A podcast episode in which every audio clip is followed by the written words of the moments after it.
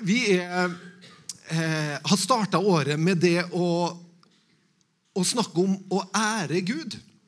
Med livet vår og med, eh, med på en måte den vi er. Eh, og Sist så snakka vi om det å ære Gud som et samfunn.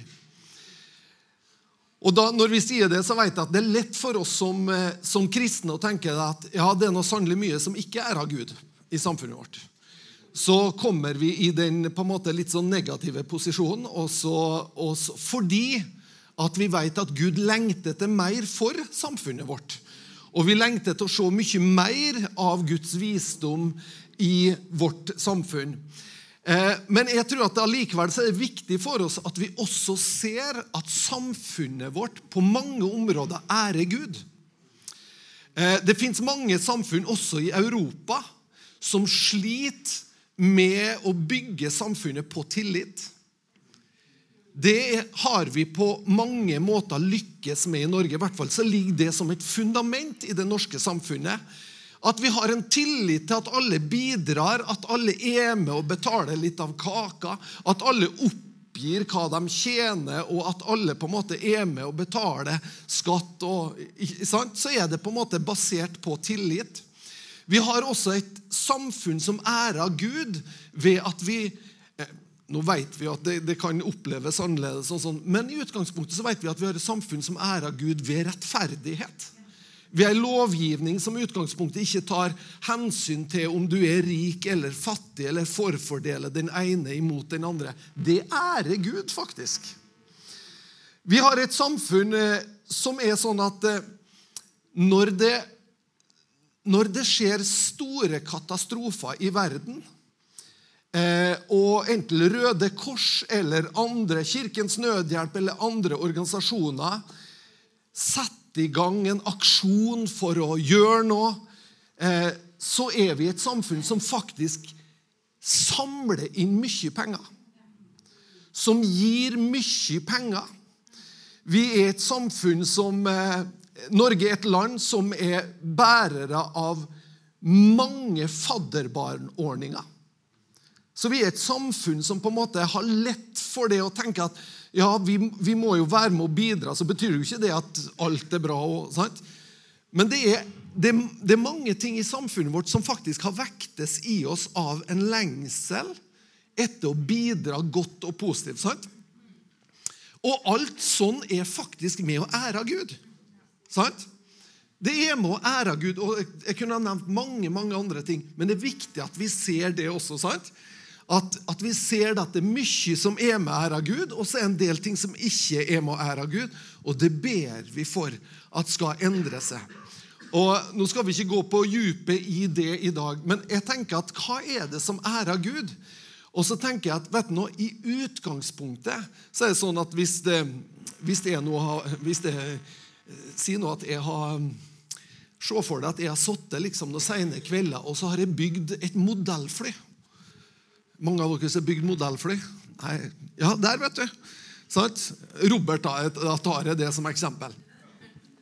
Og etter å streve da, og bygge det her modellflyet, og, liksom, og så, så, er den store dagen kommet der du, der du på, Det er ikke sikkert du bygde et med motor som skulle fly. Gjorde du det? Gjorde du det? Du er kul, Robert. Og den store dagen kommer, da, da, Robert liksom med stor forventning skal, skal teste modellflyet. Og han liksom få, fikk, du, fikk, du, i lufta? Bestefar din som var med. Å, så artig, altså. Men du vet at når han da til slutt ser det her modellflyet som faktisk flyr, så ærer det innsatsen hans. Altså. Da er den, da en, står den Robert der og er stolt, liksom. Sammen med en bestefar. da, og, og bestefaren liksom 'Du er noe til gutt, du, Robert.' Og han kjenner at han blir æra av det. 'Jeg har fått til å bygge modellfly.' Sant? Så er det noe med, det, med på en måte det som, det som da han Robert har skapt. Det bringer ære bare i det at det fungerer. Så bringer det ære tilbake til en Robert. Ikke sant?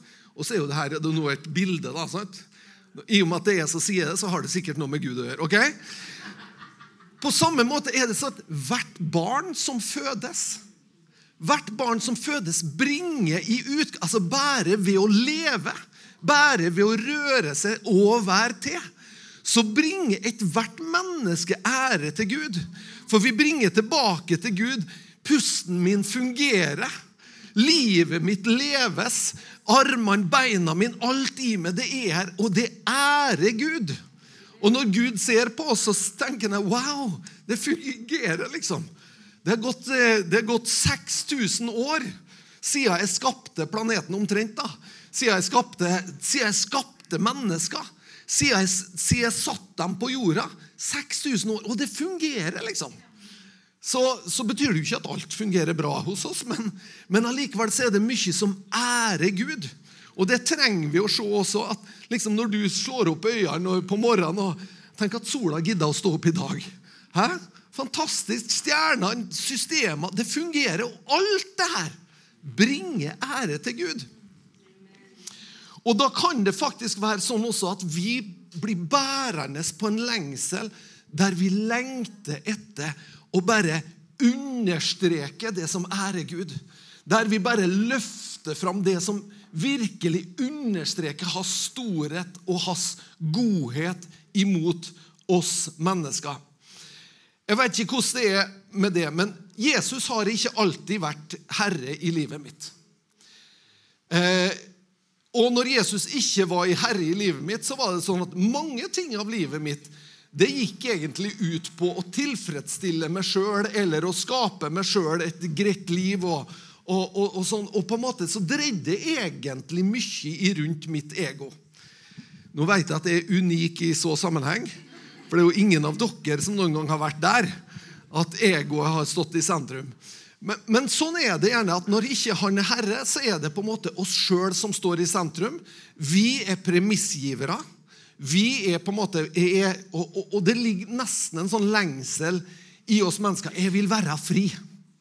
Jeg vil være fri, jeg vil bestemme sjøl, og jeg, vil, jeg, vil liksom, jeg, jeg, jeg, gjør som jeg vil, og livet mitt er mitt, og ingen kan liksom bestemme noe om det. Og det er jo på en måte en, en sannhet som høres eh, forlokkende ut. Men den er ikke så veldig i praksis, skjønner du. I praksis er det ikke du som bestemmer, i alle fall, vet du, for det som egentlig er, det er at det er kompisene dine som bestemmer. Eller det er det som røres i tida, som bestemmer. Så du er ikke så veldig unik om du er herre i eget liv. skjønner du. For det er på en måte det trendene og det som skjer, det er det som til syvende og sist bestemmer hvor du ender opp. i alle fall. Og når vi har vært fri nok til å bestemme helt sjøl, så ender vi alltid opp bundet av konsekvensene av de valgene vi faktisk har tatt. Så det er litt lureri det at vi er så veldig, veldig fri. Og det ser vi på mennesker når de har levd noen år. Da ser vi hos, hos, hva gjorde denne friheten med det. da? Hvor endte du opp etter all friheten din? Og så ser vi kanskje at dem som var aller friest, da, det er dem som sitter i størst fangenskap etter noen år fordi at de har villet vært sin egen herre. Når jeg møtte Jesus, så møtte jeg min Herre. Jeg møtte ikke bare min frelser, men jeg møtte min nye Herre. Og det er noe som Jesus faktisk ønsker å være i livet vår. Han ønsker at vi skal ta imot den som frelser, sånn at han løfter oss ut av det som holder oss fanga. Men så ønsker han at vi skal gjøre den til herre. Det betyr at han er sjefen. Ved å gjøre han til herre i livet vår, så ærer vi han. Da opphøyer vi hans navn fordi at han får lov å bestemme. Og tenk deg hvis vi kunne hatt et samfunn som har lengta etter at hans sine tanker skal få lov å være rådende. At hans sine planer på en måte er det vi gir oss til.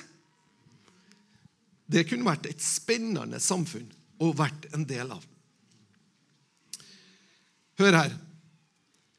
Dette står egentlig om oss alle i Efeserne 5, vers 8-11. Dere var en gang eh, mørke, men nå er dere lys i Herren. Vandre som lysets barn. For åndens frukt består av all godhet, rettferdighet og sann, eh, sannhet. I det dere prøver hva som er til behag for Herren.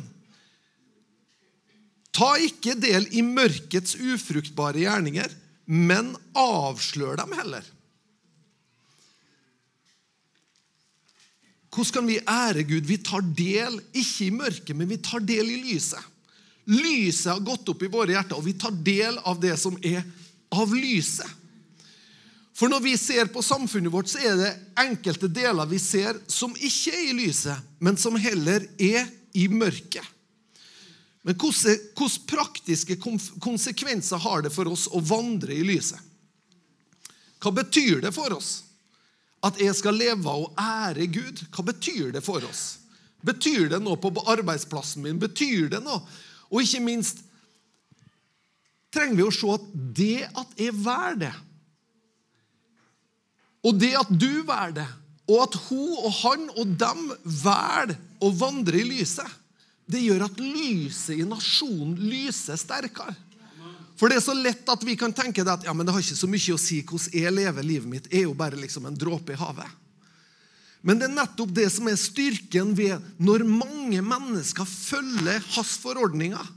Så bringer det et større nærvær av lys og herlighet i nasjonen vår. Så det du og jeg velger å gjøre med våre personlige liv, det er faktisk viktig. Det er faktisk avgjørende at vi velger riktig. Hør her. I Esekiel kapittel 36 og vers 26-27 så står det Jeg skal gi dere et nytt hjerte og en ny ånd i deres indre. Jeg skal Ta steinhjertet ut av kroppen deres og gi dere et kjøtthjerte isteden. Jeg skal gi, eh, gi dere min ånd i deres indre. Og så hør hva han gjør. Jeg skal gjøre det så dere vandrer etter mine lover og holder mine dommer og gjør etter dem. Det er det som skjer når Guds ånd flytter inn i oss.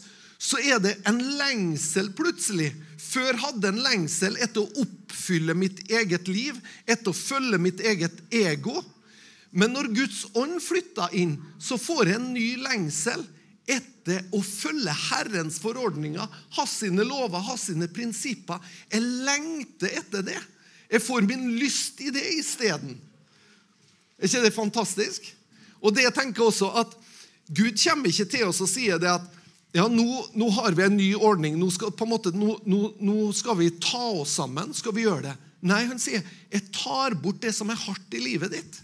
Og så setter jeg inn i stedet noe som er mjukt, noe som er levende. Jeg setter et nytt hjerte inn i det.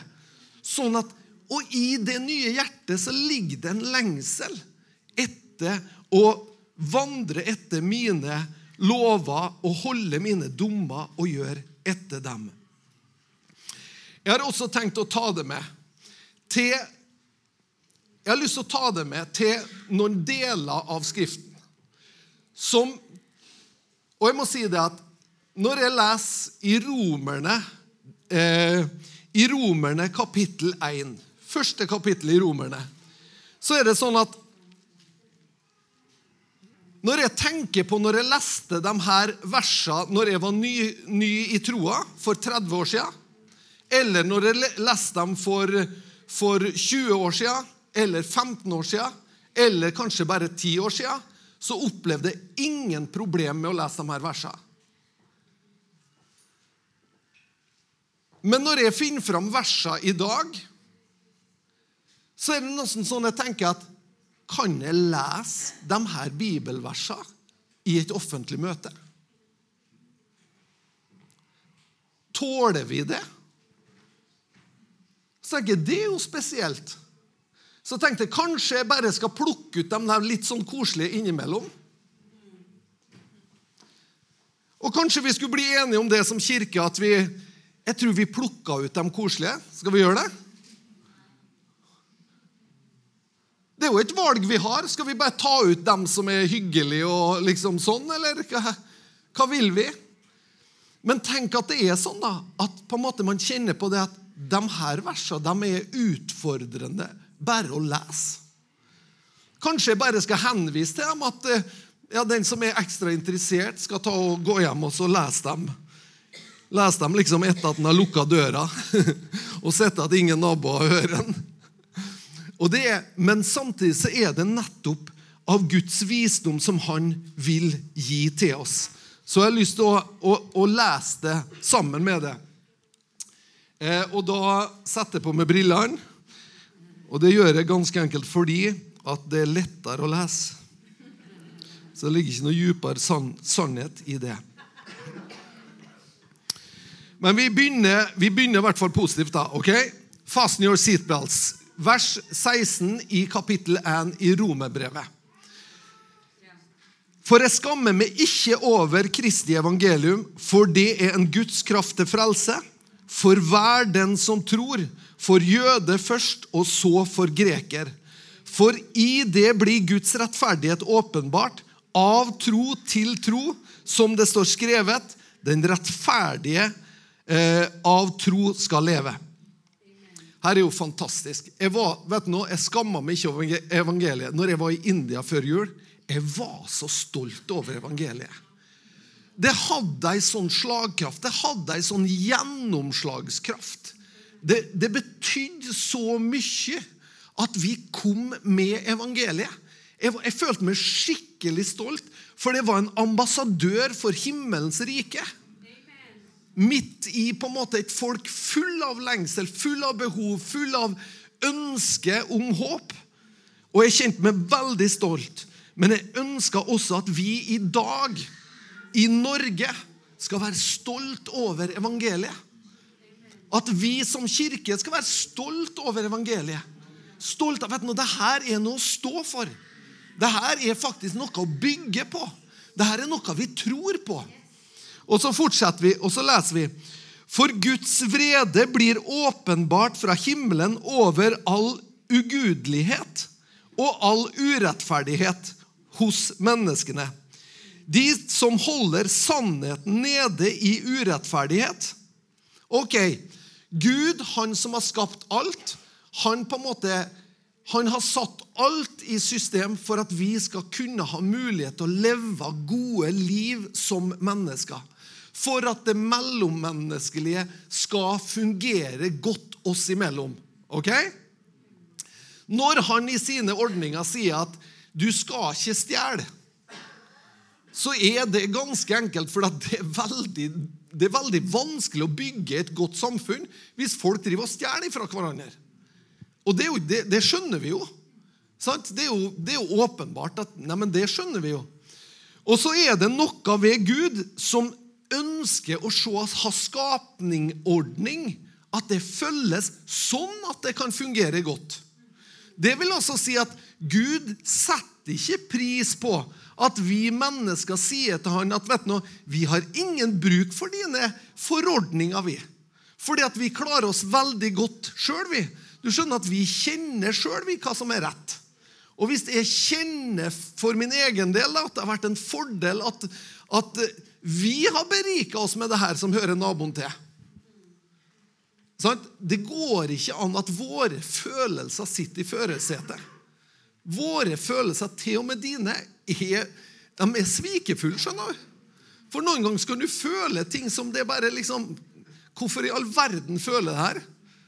Ikke dere, da, men jeg har det sånn innimellom. Ok, vi leser videre. Men, men, bare tenk deg at når det er Gud som kommer med sine forordninger, så er det naturlig også at han Når det står vrede, sant, da blir jo vi litt redd. For vi, vi tenker jo at vrede det, det, er jo, det er jo ikke så behagelig å snakke om. Men vi skjønner jo at Gud ikke syns at Wow, så flott, da! Så flott det er ordna. Forordninga de, de, de, de brydde seg ikke om dem. Oi, det var sannelig fint. Det var originalt. Men han har en lengsel etter at skal det her fungere, så følg de her forordningene. Og da på en måte er det noe som bedrøver han når vi som mennesker gang på gang velger å ikke gjøre det. For det en kan vite om Gud, ligger åpent for dem. For Gud har åpenbart det for dem. Altså, Gud er ikke vanskelig å finne. Det er mye, Hvis du tenker logisk og tar en logisk tankerekke ned veien at vi er stjernestøv, eller at vi er helt tilfeldigvis Altså Som Petter Stordalen skriver i sin siste bok, så skriver han det at vi, vi har blitt til i et hav av tilfeldigheter. Kan det at vi er der vi er? Og For meg så er det for tynt. Men så liker jeg mye annet som Petter Stordalen skriver, så derfor leser boka i alle fall. sant? Men det er viktig at vi skjønner at det er, det er for tynt til å tro på, egentlig. Men det er bare fordi at nok folk har sagt det, så tar vi det for god fisk. liksom. Ikke vi, men, men samfunnet vårt tenker at ja, men det er jo smart. Det fins ikke smart. Det er ulogisk å tenke at alt som taler mening, alt som taler hensikter rundt oss, alt som reproduserer seg, som fungerer, bringer ære til Gud, det er tilfeldig. Det er ikke logisk. Det som er logisk, er at det står en bak, og han har gode tanker for oss. Vers 20. For helt siden verdens skapelse har hans usynlige egenskaper vært klart synlige. Det eh, gjelder hans evige kraft og hans guddommelighet. Disse kan kjennes ut fra de gjerningene som er gjort. Slik er de uten unnskyldning. Alle mennesker er egentlig uten unnskyldning innenfor Gud. For om vi setter oss ned og begrunner livet, så er det faktisk sånn at konklusjonene våre må peke i retning av at det her er for stort. Det her er for fantastisk. For selv om, selv om de kjente Gud, æra de ikke Gud som Gud eller takka, men de ble tomme i sine tanker, og deres eh, dåraktige hjerte ble formørka. Og her er litt av det som er kallet vårt. For når vi kjenner Gud For sjøl om vi kjenner Gud, sjøl om vi kjente Gud, så æra de ham ikke som Gud. Men isteden så ble vi tom i tankene. Men vi kan snu det, og så kan vi tenke ja, men det er kanskje her kjernen av kallet vårt er. Det er nettopp at vi gjør det motsatte. At vi ærer Gud. Og at vi takker Gud. Og det må nødvendigvis også bety at om vi ærer Gud, om vi takker Gud, så blir vi ikke tom og formørka. Sant? Da blir vi opplyst og fylt. Sant? Så når vi ærer Gud og takker Han, så skjer det motsatte i oss mennesker. Da blir vi fylt av Han. Og da bringer vi ikke formørkelse, men da bringer vi lys isteden. Og det er det Gud ønsker at vi skal få lov å gjøre. Hva skjer når et hjerte blir formørka? Har du sjøl blitt formørka noen gang? Jeg har blitt formørka i sinne. Det betyr ikke liksom at ja, nå går jeg inn i mørket. liksom. Nå skal jeg inn i mørket. Nei, men det er liksom det at bitvis så glir man bort ifra lyset. Og så lar man ting formørkes i sitt eget liv, sånn at man ikke ser tydelig. Sånn at vi ikke ser klart, sånn at vi ikke skjelner. Det er jo det som står i ordspråkene. står det, jeg, jeg så ut av mitt gitter. Jeg så en ung mann stå ved hennes liksom, Og så står det beskrevet den her unge mannen liksom, som sirkla rundt huset til, til, til en forførerisk kvinne. og nå er jo det liksom det, Jeg skjønner at det kan oppleves som en klisjé, men, men, la ta det på et bilde på noe som på en måte vil føre oss vill. da? Så er sånn at Han var der på dagen, står det.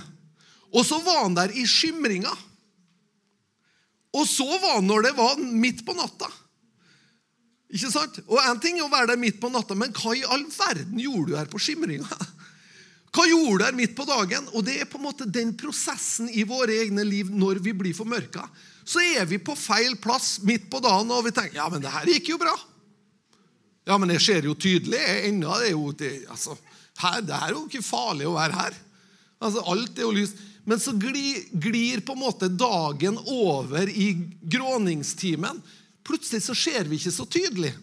Ja, ja, men det kan jo ikke være så fa... Nei, det, altså litt, det, nei, det må nå gå an.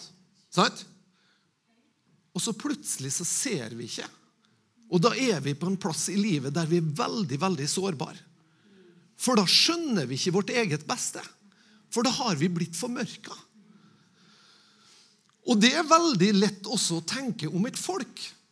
en nasjon der vi på en måte bitvis forbeveger vi oss bort ifra sannheten. Bort ifra at sannheten er et lykt for vår fot og et lys på vår sti. Så beveger vi oss bitvis bort ifra det. Og så sier vi det at ja, men det her kan jo ikke være så farlig. Og det er litt den opplevelsen jeg bare beskriver når jeg sier at når jeg var ny i troa, så var dette nøkkelvers for å forstå nettopp hva som skjer i verden. Og i dag er det sånn at du nesten ikke tør å lese dem. Og det må vi avsløre og si at hallo? Hvorfor er det her? Det her var ikke utfordrende i hele tatt for meg når jeg var ny i troa. Fantes, det var her, Å ja, men ta var jo en naturlig forklaring. Ta, det her, Jeg forstår jo det her. Det, det henger jo på greip. Men i dag så er det liksom mm, Og det er nettopp fordi at det er så lett at når verden rundt oss formørkes, så går vi inn i den samme formørkinga. For vi biter på de samme argumentasjonene. Men så må vi tilbake til Guds ord og se hva sier egentlig du om det her. Ok? Vers 22. Mens de gjorde krav på å være vise, ble de bare dåraktige. Og de byttet bort den uforgjengelige Guds herlighet med et bilde gjort likt et forgjengelig menneske, og bilder av fugler, firbente dyr eh, og krypdyr. Vi er jo gjerne sånn i, i, i vårt samfunn. Nå, nå, har jo jeg vært i India, og der er jo mange andre ulike guder. Men her hos oss er det gjerne sånn at det er vårt eget intellekt, eller det er individet. Det er på en måte nesten som at det er oss sjøl vi tilber. Ikke sant? I stedet for å ære Gud, så er på en måte våre egne liv det som skal æres. Derfor, hør her, derfor overga Gud dem også i deres hjerters lyster til urenhet, slik at de vanæret sine kropper seg imellom. De byttet ut Guds sannhet med løgnen og tilba og tjente skapningen i stedet for skaperen. Han som er velsignet i all evighet. Amen. Vi, til, vi bytta ut Guds sannheter, og så begynte vi å tjene skapningen i stedet for skaperen. Det vil si at vi blir herrer. Min kropp, mitt liv, det blir det senter som livet mitt skal røre seg rundt. Det handler om min tilfredsstillelse. Og når vi mennesker lever der, så blir vi tom. Vi blir tom på innsida. Og vi er ikke kalt til å leve der. På grunn av dette overga Gud dem til, å, eh, til vanærende lidenskaper. For til og med deres kvinner byttet ut naturlige samlivet eh, som eh, Samlivet med et som er i strid med naturen. Det samme gjorde også mennene de forlot det naturlige samlivet med kvinnene, og de, gjorde, eh, og de ble opptent i lyst, sin lyst etter hverandre. Som menn drev skammelig utukt med menn, og den velfortjente straffen, eh, straffelønnen for sin villfarelse fikk de på seg selv. Og ettersom de ikke fant noen verdi i å holde seg til Gud i sin erkjennelse, overga Gud dem til et uverdig sinn, så de gjør ting som ikke sømmer seg. Dette tror jeg er et nøkkelvers. Mange ganger, Nå skjønner jeg at det her er på en måte, det her er liksom ikke positivt ladda vers, og det er ingen som roper halleluja underveis. det skjønner jeg. Men mange ganger når vi leser også det som er negativt, så kan vi finne det positive. Altså Hvis du da snur det her verset, snu vers 28 på hodet, da. Ettersom de ikke fant verdi i å kjenne Gud. Her er nøkkelen. De fant ingen verdi i å kjenne Gud. Men det er jo nettopp der vi mennesker har vår skatt. Det i å kjenne Gud. Det er min rikeste skatt. Er å få lov å kjenne Gud. Hva er det evige liv? Det evige liv er å kjenne, kjenne Gud. Å kjenne Kristus, han som Gud utsendte, det er det evige liv. Sant? Men de fant ingen verdi i det. Ser du det? De fant ingen verdi. Og pga. at man ikke finner verdi i det, ja, men da overgis man til et uverdig sinn. Da Da overgir man seg sjøl til et sinn som ikke er verdig. Sånn at de gjør ting som ikke sømmer seg. Men hvis vi da snur det på hodet, så sier vi ja, men om vi finner verdi da i å kjenne Gud, hva skjer da? Jo, da vil han gi oss et verdig sinn, sånn at vi gjør ting som sømmer seg. Og det er vel mye bedre, ikke det? Det er ganske mye bedre å, å få et verdig sinn. Å være bærer av noe som ærer Gud, og, er, og bringe ære til Gud. Og verdig, sånn, sånn, at jeg kan med mitt liv gjøre ting som sømmer seg. Halleluja. Tenk å gjøre ting som Her var sømmelig. Halleluja. Hæ? Vi skjønner jo det. og du skjønner at Moralen Vi sier at ja, men vi skal ikke ha moral, sier vi. Vi vil ikke ha noen, noen sånne moralske vi, vi, skal ikke ha noen moralprekener, eller vi skal ikke liksom ha moral i samfunn. Inget samfunn fungerer uten moral. Det fins ingen samfunn som kan fungere uten en moral. Vi må være enige om noen gode retningslinjer, eller i hvert fall om noen retningslinjer. Da. Og da er det noe bedre at de er gode da, enn at de er halvgode. Og hvis de kan være helgode, så er jo det helt fantastisk. Og det er nettopp det moral. Moralen er ikke til for å dømme oss. Moralen er til for å hjelpe oss. Og ikke nok med at moralen er det, men Guds ånd i oss hjelper oss til å leve de her livene. Hjelper oss til ja, men det her er jo ikke noe problem, for jeg ønsker jo å ære Gud. Jeg ønsker jo at lyset skal komme. Så det er stor forskjell du skjønner at det er stor forskjell på å bygge et samfunn på denne måten. Og så går vi litt videre. Jeg skal ikke ta med, men, men du Vi tar med eh, Skal vi se De er fulle av all slags urettferdighet, seksuell umoral, uskjelhet, grådighet, ondskap. De er fulle av misunnelse, mord, strid, svik, falskhet. De ble slike som setter ut rykter, baktaler, gudshatere, voldsmenn, stolte skrythalser. De finner på all slags ondt. De er u, uh, ulydige mot foreldre, uforstandige, upålitelige og uten naturlig kjærlighet. De vil ikke tilgi. De er ubarmhjertige. Er det lett å bygge et samfunn der? Det er ikke lett å bygge et samfunn der, er det? Og det skjønner alle mann. Hvis hele gjengen bærer karer til seg sjøl, så skjønner vi at det er ikke lett å bygge et samfunn. Da skjønner vi at det Ja, men det er jo ikke så galt. Ja, men, ja, men det her er jo på en måte det som skjer. For først så var det jo ikke sånn at når Adam og Eva falt, så var det jo ikke spinnvilt med en gang. Men etter hvert så står det at ondskapen bare øker hos menneskene.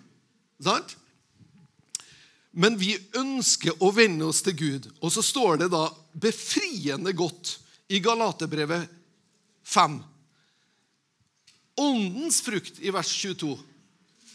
Åndens frukt er kjærlighet, glede, fred, tålmodighet, vennlighet, trofasthet, saktmodighet og selvbeherskelse. Dette er ikke loven imot. Åndens frukt, det vil si at når vi følger Ånden, så er det det her som vokser fram i livet vår. Jeg skjønner at dette ikke er verdens muntreste preken. Men av at det man ser i samfunnet vårt, det er at, at antikristånd er virksom. Den er veldig tydelig virksom. Og da må vi ta et standpunkt imot det og si at det her har ikke vi tro på. Vi tror faktisk ikke på at vi kan bygge et godt samfunn på denne måten. Vi tror ikke på at det bygges et positivt, livsbejaende samfunn ved at vi vender oss bort ifra de forordningene som Gud har tenkt. Og da må vi som troende også på en måte stålsette oss litt og si at vet du nå, jeg tåler det at folk er uenige med meg. Jeg tåler det at jeg er den eneste i klassen som mener det her. Jeg står for det. Og jeg tror at ved det så kan jeg bygge et langsiktig, godt liv. Og så tror jeg også at evangeliet er lys for dem som, for dem som søker. Så er det lys. Og Det betyr ikke at vi skal være hard imot mennesker, eller at vi skal, være, at vi liksom skal komme med pekefingeren, men det betyr at vi tror på noe. Vi tror på noe som vi tenker er vesentlig bedre. Og vi tror også at i møte med Kristus, i møte med Jesus, så er det noe som skjer med et menneske når hjertet blir utskifta. Jeg tror ikke på at vi liksom skal avkreve samfunnet vårt en kristen livsstil. Jeg tror ikke. Jeg har ingen tro på at vi skal sette oss som, som, og, og, stille krav til, til, samfunnet vårt og si at ja, nå må dere leve sånn som vi mener. Men jeg har veldig tro på at når mennesker kommer til Jesus, så skiftes hjertet ut. Og hva skjedde med det og med når hjertet vårt ble skifta ut? Det som skjedde med meg, var i hvert fall at jeg som var en horkar, jeg slutta med det. Det var liksom, Jeg gikk ikke på noe kurs for det. Det var bare helt naturlig. Jeg som, jeg som, jeg som, jeg som var en drankar Jeg var ikke akkurat alkoholiker, men jeg nytter mye alkohol. Altså For meg så var det veldig naturlig å slutte med det.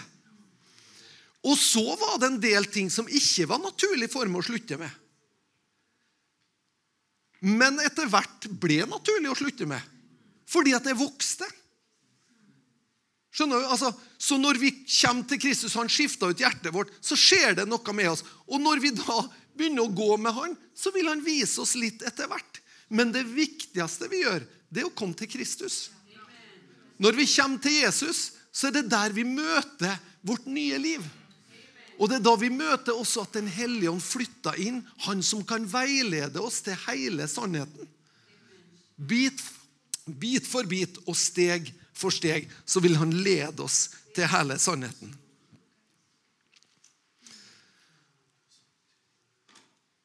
Galaterne 5, vers 16. Og jeg vet også i Galaterne, Vi kunne ha lest den samme krevende lista i Galaterbrevet 5. Det er en krevende liste der også, som peker på fruktene av det ene kontra fruktene av det andre.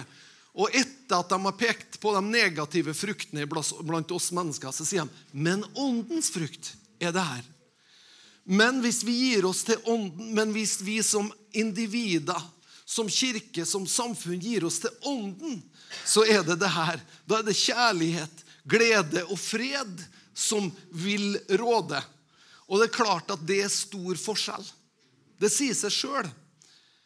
Men så oppmuntrer han oss i vers 16 litt, litt lenger før. Men vandre i ånden. Da skal dere slett ikke fullføre kjøttets begjær. For kjøttet står imot ånden, og ånden imot kjøttet. Disse to står imot hverandre. Det vil si at det er helt naturlig at det er en dragkamp imellom det her. Ja, men Erlend, det hadde vært mye koseligere hvis vi bare kunne hvis vi liksom bare kunne sittet og gynga litt i båten. Liksom, det har vært mye koseligere om vi ikke har tenkt at det er, at det er motsetninger, og at alle Kardemommeby, for eksempel. Sant? Når røverne blir heltene, og, og, og, og, alle blir glad til slutt. Det er jo fantastisk. Og det, det, er klart vi har en lengsel, og i hvert fall vi som er, er troende. og har liksom, vi, Kjærligheten har flytta inn på innsida. Vi vil jo ikke at noen skal ha det ubehagelig. Men så er det noe med på en måte Gud hjelp oss, da. Hjelp oss, da, sånn at vi kan gjøre de her sannhetene til livgivende i stedet for ubehag for mennesker. Hjelp oss da, sånn at vi kan bære fram de her sannhetene, sånn at det kan bringe liv og frihet inn i samfunnet vårt. Og hjelp oss ikke minst å lede mennesker til Jesus. Ikke vær så opptatt av hva mennesker gjør feil eller gale, eller hvor de ikke er på plass. Ikke vær, Men bær det heller som en nød i hjertet. da. Sånn at vi kan be for dem, sånn at vi kan lengte etter at de får lov å møte Jesus. For når individet møter Jesus, så er det så mye annet som kommer på plass. Jeg er helt sikker på Jeg er oppvokst i et kristent hjem. Mamma og pappa var kristne. De gikk i kristne foreninger. De, sant? Jeg er helt sikker på at mamma og pappa ikke var stolt over alt det jeg gjorde i, i mine tenåringsår. Helt sikker på det. Og jeg er helt sikker også på at det var mange av deres kristne venner som syntes. Ja, men hvorfor de, altså, Kan du ikke få orden på noe sønnen din, da? Kan du ikke få til det? Men vet du noe, det var veldig mye mamma og pappa la inn i mitt liv som var fantastisk godt. De la inn kjærlighet. Når jeg var, vet du, når jeg var, når jeg var, jeg var, jeg var 18-19 år han Pappa kom inn og satte seg på senga, sengekanten min. Når jeg levde dette livet, så kom han og satte seg på sengekanten min, og så strøyk han meg over håret og sa, 'Erlend, jeg elsker deg.' Jeg elsker deg. Han satte ikke seg ned og skjentes på meg. Sånn. Han bare lot meg kjenne at jeg var elska. Og han var en bærer av fred for meg. Sant? Selv om jeg hadde uro. Så når jeg ble søkt av Gud, så visste jeg hvor jeg skulle gå. Jeg visste hvor freden var. Jeg trengte ikke å tenke at det er en helt annen plass. Jeg tenkte at det er hos Jesus det er. Og så får Jesus det resultatet kanskje deres sine kristne venner lengter etter eller ønsker å se. Fordi at Jesus han leder oss til hele sannheten. Han setter oss fri som mennesker.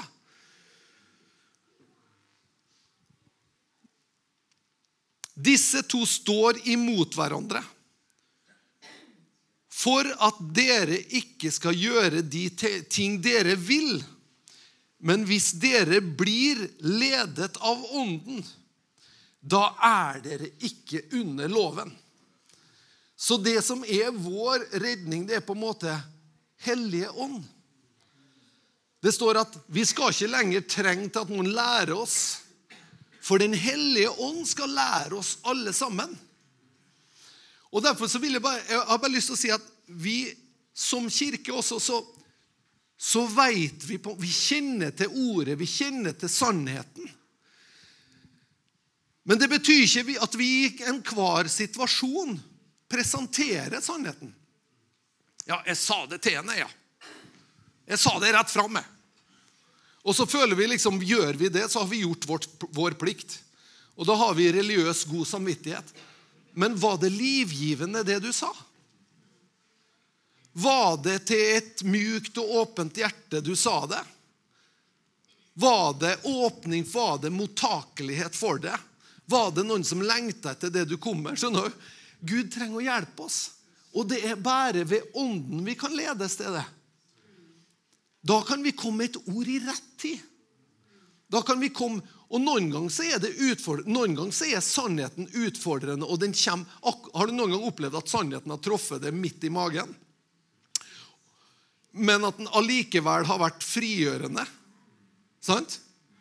Det er sånn noen ganger. Altså Noen ganger er det sånn at når Gud tar det, og det er liksom bam, rett i mellomgulvet Den satt, sant? Og så blir du så takknemlig etterpå. For at det var så fri, og det var akkurat det jeg trengte for å våkne opp. Så noen ganger er det jo sånn. Mens andre ganger er det faktisk sånn at vi trenger å sippe igjen. Jeg husker ei ung jente når, vi, når vi var nye i det å lede andre mennesker eh, i, i menighetssetting eller i kristen sammenheng. Så jeg husker jeg var ei ung jente og akkurat tatt imot Jesus. Og Like etter at hun hadde tatt imot Jesus, så flytta hun sammen med, en, med kjæresten sin.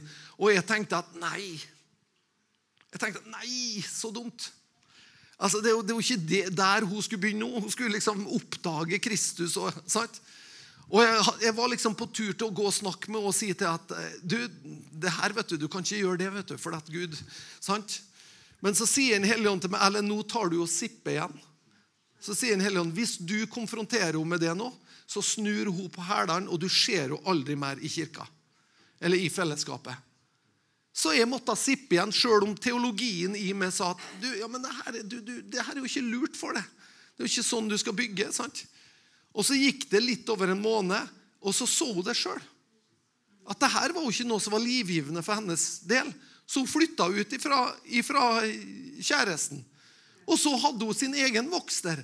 Men det er ganske stor forskjell når Den hellige ånd er i ting, eller når vi bare blir bærere av, av loven. Hvis dere blir ledet av Ånden, da er dere ikke under loven. Da bringer vi heller ikke loven. Hører du? Hvis vi er ledet av Ånden, da vil det ikke oppleves som det loven heller vi kommer med. Men da er det livgivende, da er det livgivende sannheter og prinsipper. Hvordan ærer vi Gud i vår tid? Hvordan ærer vi Gud i vår tid? Jo, vi gjør det ikke ved å vende oss bort fra Guds ord. For Guds ord er sannhet. Guds ord er sannhet, det er livgivende sannhet. Vårt samfunn trenger å forstå det her. Vårt samfunn trenger å få åpenbaring. Hva betyr det her? Og du skjønner at Det er jo ikke sånn at ja, nå går det av hengsler. Det er jo typisk sånn kristent uttrykk. Nå, nå går hele verden går av hengsler. Altså, jeg, jeg, har tenkt det mange ganger. Men saken er at det samme tenkte jo, altså, det samme har vi jo tenkt i alle tider. Som har vært behov for. John Wesley altså Snakk om et samfunn av hengslene. Drukkenskap var et så stort samfunnsproblem at de sleit. ikke sant? Og resultatet av vekkelse var på en måte at pubene måtte stenge. Fordi at Gud kom med løsning til problemer. Men og sånn har vært all vekkelse. Hans Nilsen Hauge han syntes at det norske folk var så langt borte fra Gud at, han, at det var ei oppgave som var han overmektig. Når det ikke var mer gudsfrykt i folket. Han opplevde det. Man har opplevd det her opp gjennom hele historien. som man opplevde her. At på en måte, 'Å, men Gud, du har jo så mye mer for oss.' Men det her står det jo. Det her er en kamp. Disse står imot hverandre.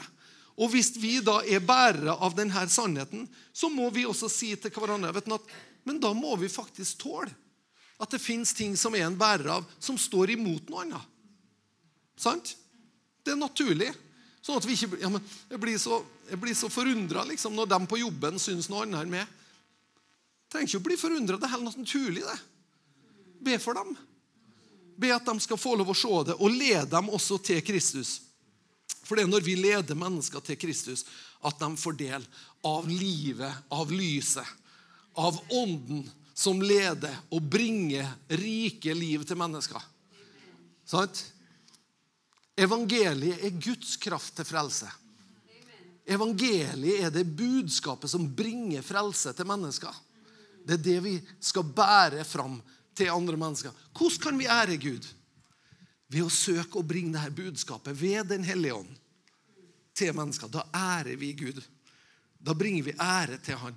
Hvordan kan du og jeg med mitt, mitt og ditt liv ære Gud? Jo, vi er av dem som følger hans sine forskrifter. At vi bringer ære til Han, at vi bringer takk til Han. Sånn at Han gir oss et verdig sinn til å følge hans sine tanker. Ok? Jeg syns det gikk ganske bra å dele det med dere.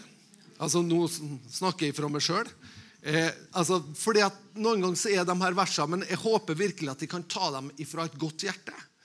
For mitt hjerte er på en måte ikke at vi, at vi skal ta sannhetene og klubbe mennesker ned med dem, og sånn, men allikevel være klar over at vi er bærere av noe som er kontroversielt i vår tid har blitt kontroversielt i vår tid, og blir mer og mer kontroversielt i vår tid ut ifra den utviklinga vi ser nå.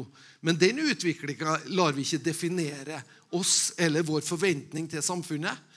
Men hvis vi kan være positive mennesker som på en måte utstråler noe annet, så er det nettopp de bærerne av Guds rike han ønsker at vi kan være. Hvem er du? Du er skapt av Gud. Og som et individ som er skapt av Gud, så kan du bringe ære til Han. Så kan du stå opp om morgenen og si, 'Kjære Gud, i dag, la meg bare bringe denne æren til deg.' Vi klarer ikke det, det uten Den hellige ånd, men når Den hellige ånd får lov å fylle oss når Den hellige ånd får lov Han har jo fylt oss, han bor jo i oss, faktisk. Men la oss si det sånn at når vi øser av den kilda, så øser vi av visdom Sånn at vi kan stå i situasjoner som er kjempekrevende liksom rent intellektuelt. Hva skal jeg si nå? Hellige hva vil du si nå?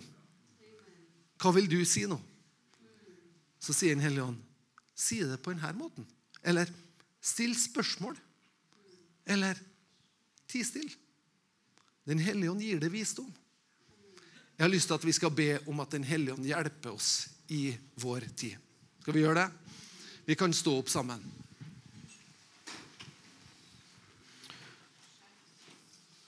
Jeg takker deg, Herre Far, for hver enkelt av oss som, som lever våre hverdager og lever våre travle liv og ikke-travle liv og mange forskjellige liv, Herre.